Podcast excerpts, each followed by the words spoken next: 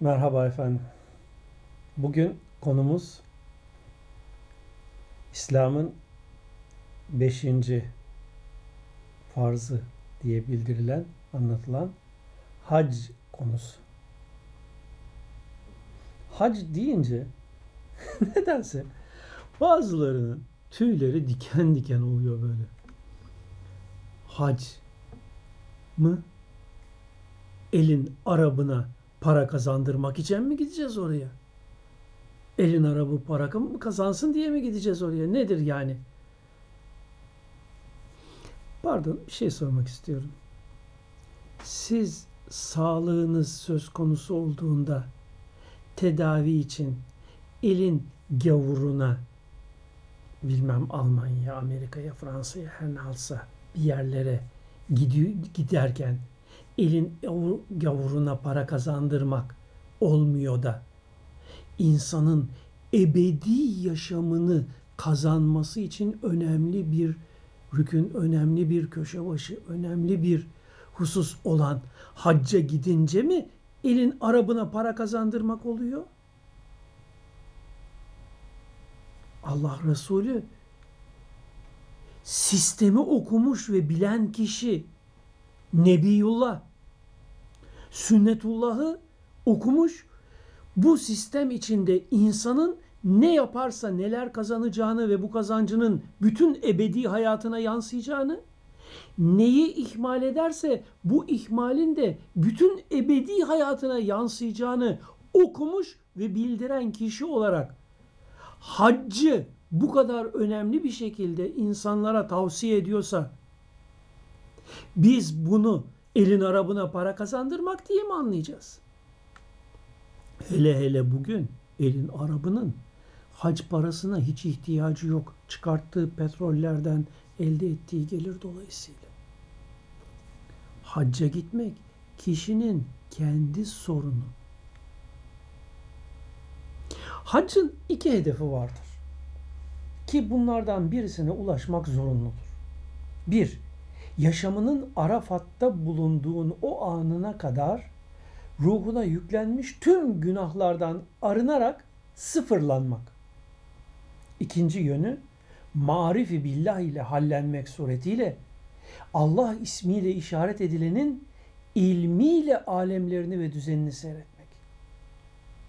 Hac konusunda öncelikle şunu belirtelim ki hac günü belirli bir süre Arafat'ta bulunup geçmiş günahlarına tövbe eden, pişmanlık yaşayan kişi kul hakkı da dahil olmak üzere o ana kadar ki bütün günahlarından kurtulur. Resulullah'ın hükmü. Hac İslam dini şartları arasında herkese son derece yararlı olan bir çalışmadır. Zira yaşamı boyunca kişinin bilerek veya bilmeyerek yanlışlardan meydana gelen beyninde oluşan ve günah adı verilen tüm negatif yük eksiksiz onun dalga bedenine yani ruhuna yüklenmiştir. Ruhundaki bu negatif yükün getirdiği ağırlık yüzünden de ateş ortamı denilen o ortamda battıkça batacaktır. İşte başına gelecek olan bu felaketten kişinin kendini tümüyle kurtarabilmesi, ruhuna yüklenen negatif yükün tümüyle sıfırlanması, silinmesi, erase olması hacda mümkün olur.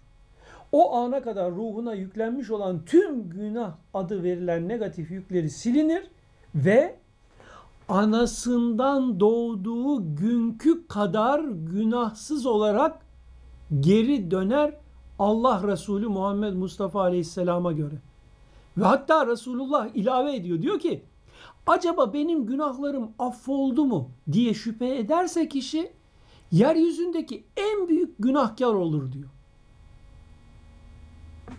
Kabe için Mekke'dedir? Arafat'ta ne gibi bir sır vardır ki orada toplanılmaktadır? Hac olayının altında yatan sır gerçekte bugünün yetersiz bilimiyle yaşayan insanların hafsalılarının kolay kolay alabileceği bir şey değildir. Haccın bir kişi için ne kadar önemli ve değerli bir çalışma, bir eylem, bir ibadet olduğuna geçmeden önce Resulullah Aleyhisselam'ın üç ana noktaya işaret eden buyruklarından söz edelim. Resulullah Aleyhisselam şöyle buyuruyor. diyor Hazreti Ali Şahı Velayet efendim kerremallahu vece. Beytullah'a ulaştıracak azık ve binek hayvanına malik olup da hac etmeyen kişinin Yahudi veya Hristiyan olarak ölmesinin kendisince ne önemi vardır? İşte Allah kitabında şöyle diyor. İnsanlar üzerinde Allah'ın hakkı yoluna gücü yetene Beytullah'ı hac etmektir. Ali İmran suresi 97. ayet. İbni Ömer radıyallahu anh şöyle rivayet ediyor Resulullah'tan. Bir adam Resulullah'a gelerek sordu. Haccı farz kılan nedir ya Resulallah? Resul-i Ekrem cevap verdi. Azık ve binektir. Tirmizi'deki bir hadis. Yani hac yolculuğunu yapacağın kadar bineğin ve yolculukta yiyecek kadar azığın varsa sana hacca gitmek farzdır. Üçüncü önemli olay. Umre kendisiyle öbür umre arasındaki zaman içinde işlenen günahlara kefarettir. Haccı mebrurun cennetten başka karşılığı yoktur. Müslim. Gene Ebu Hüreyre'den gelen bir hadis. Resulullah buyuruyor diyor ki her kim şu beyte gelir bu sırada bir kadına yaklaşmaz yani cinsel ilişkisi oluşturmaz fısk işlemezse o kimse anasından doğduğu gibi döner. Bu da Müslim'de. Gene Abdurrahman bin Yamar diliyle Dili radıyallahu anh şöyle demiş. Resulullah sallallahu aleyhi ve sellem Arafat'ta vakfe halindeyken ben onun yanında hazır bulundum. O esnada Necit halkından bir kişi onun yanına gelerek Ya Resulallah hac nasıldır, nasıl bir şeydir dedi. Resulullah buyurdu. Hac Arafat'tır. Kim Cem gecesi sabah namazından önce gelirse haccı tamamlamış olur. Mina günleri üçtür. Artık kim iki günde acele ederse onun üzerinde bir günah yoktur. Kim de gecikirse ona da bir günah yoktur. Sonra bunun arkasından bir adam yolladı ve hükümleri yüksek sesle halka duyurdu. İbn-i Mace'de, Tirmizi'de, Ebu Davud'da, Nesai'de olan bir hadis. Abbas bin Mirdat, Mirsat e, radıyallahu anh şöyle buyuruyor. Resulullah sallallahu aleyhi ve sellem ümmeti için Arefe günü akşamı Arafat'ta mağfiret duasında bulundu. Ona şöyle cevap verildi. Zalim müstesna onları bağışlarım. Çünkü ben mazlumun hakkını zalimden şüphesiz alırım. Resulullah Aleyhisselam Ey Rabbim eğer dilersen mazluma hakkını fazlasıyla cennetten verir, zalimi de bağışlarsın diye dua etti. O akşam duası kabul olmadı. Sonra Resul-i Ekrem ertesi sabah Müzdelife'de sabahlayınca sabahladığında anılan duayı gene tekrarladı. Ve duası kabul oldu.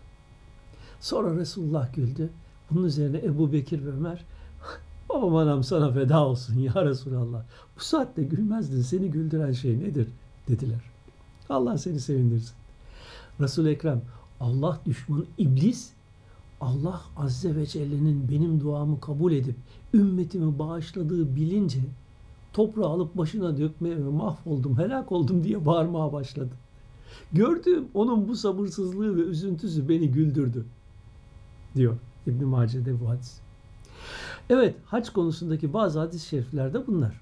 Şimdi olayın bilimsel yönüne geçelim. Daha doğrusu bizim bugünkü bilimler ışığındaki yorumumuza geçelim. Hac Arafat'tır. İşareti meselenin ana kilit noktasıdır. Zira Beytullah yani Kabe-i Muazzama yılın her vaktinde ziyaret edilebilir ki buna umre denilir. Bundan elde edilen ecir sevap çok büyüktür. Ancak asla hac gibi olmaz. Niçin? Hacda nasıl bir sır yatıyor ki Resulullah'ı gidecek binek ve azı olup da gitmeyen Yahudi veya Hristiyan gibi ölür manasına gelen son derece ağır bir uyarı yapmak mecburiyetinde kalmış.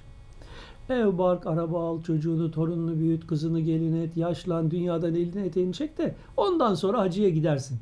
Şeklindeki halkın son derece cahilane şartlanmasının yanlışlığı vurgulanıp çok büyük bir gerçek fark ettirilmeye çalışılıyor. Hacca gidecek bir bineği ve azığı temin ettiğin anda senin üzerine hac farz olmuştur. Bu yeterli imkandır. Buna rağmen gitmezsen ve gitmeden de ölürsen Yahudi veya Hristiyan gibi ölmüş olursun anlamına gelen çok ağır ve önemli bir uyarıda bulunuyor. Bizim müşahedemize Cenab-ı Hakk'ın bizde ishal etmiş olduğu ilme göre insan bedenini saran sinir sisteminde akmakta olan biyoelektrik enerji gibi dünyanın yüzeyi altında da akan negatif ve pozitif radyasyon akımı kanalları mevcuttur.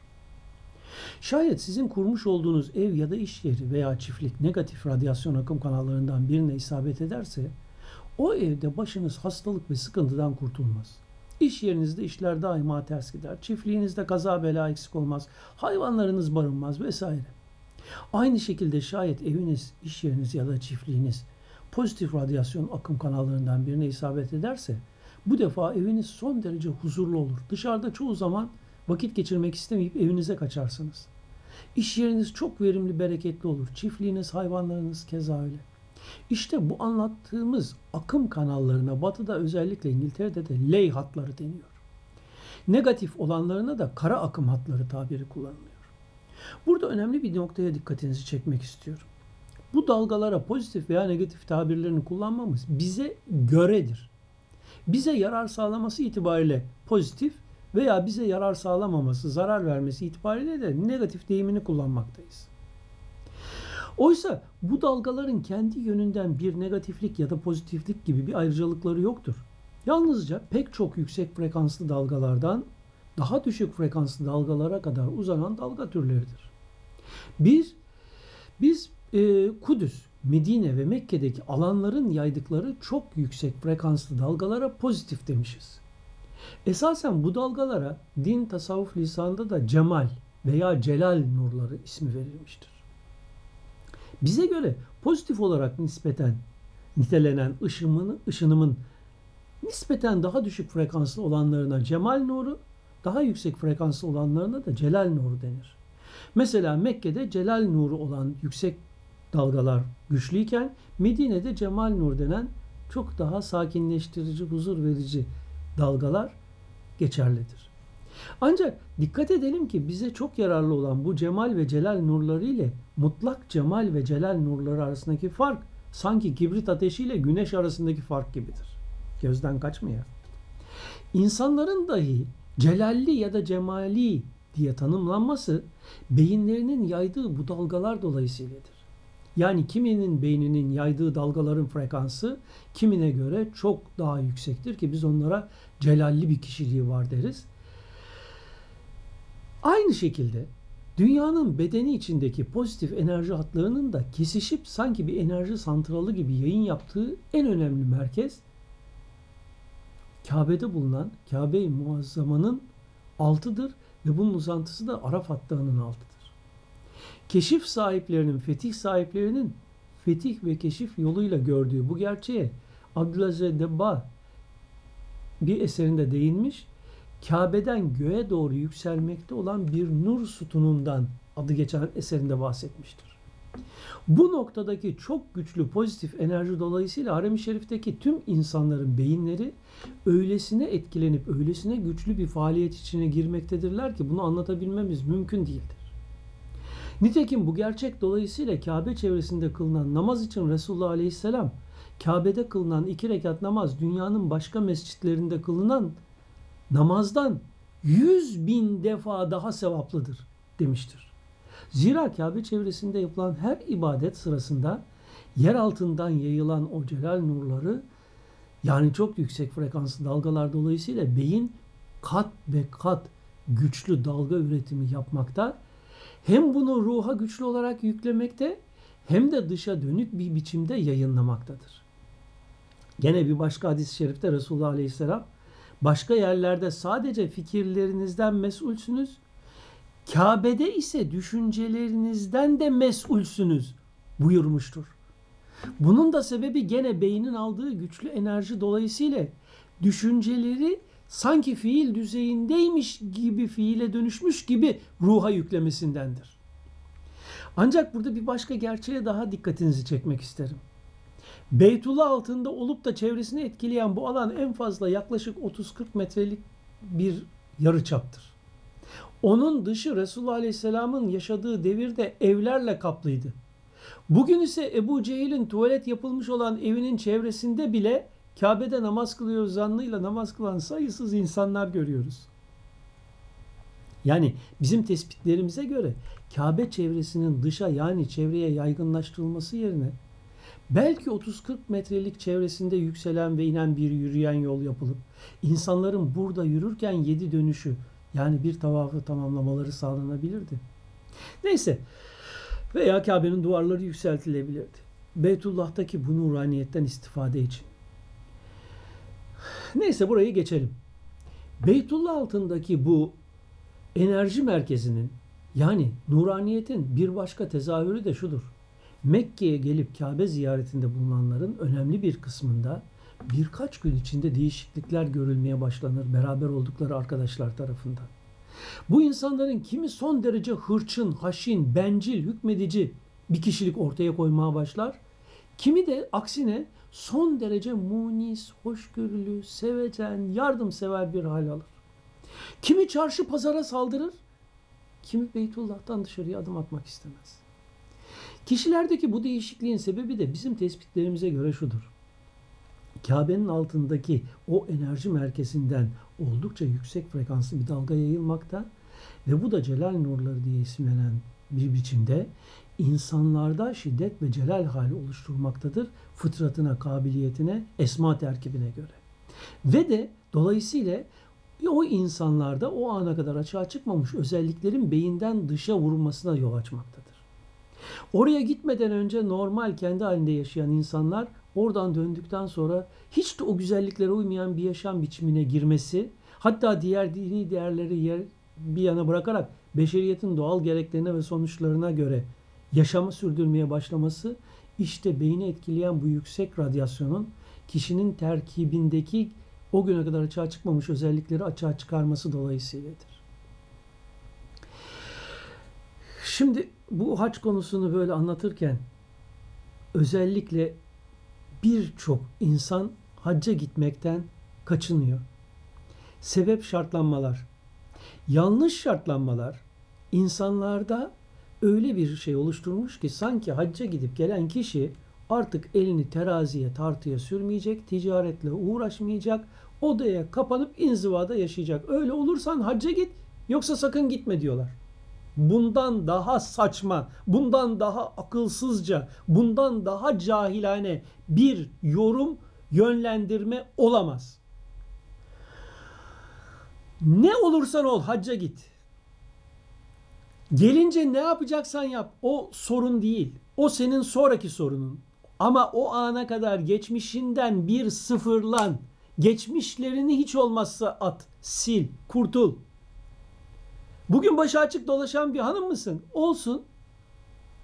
İçinden geldiği zaman iki rekat bir namaz kılıp başını örtüp abdest alıp iki rekat bir namaz kılıp başını örterek o işi yaptıktan sonra daha sonra başını açıp gene hayatına devam ediyor musun? Evet.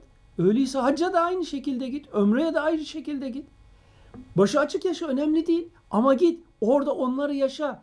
O güzellikleri hisset. Döndükten sonra nasıl istersen yaşa o seninle Allah arasında beni ilgilendirmez. Başkalarını da hiç ilgilendirmez. Aranıza Allah ile kimseyi sokmayın. O muhteşem ihsan Allah Resulü Muhammed Mustafa muhatabınız olsun. Aranızdaki duvarları yıkın. Kimse Resulullah'la aranıza giremesin. Yaşamınıza Resulullah yön versin. Sağdaki soldaki konuşanlar değil. Hoşçakalın.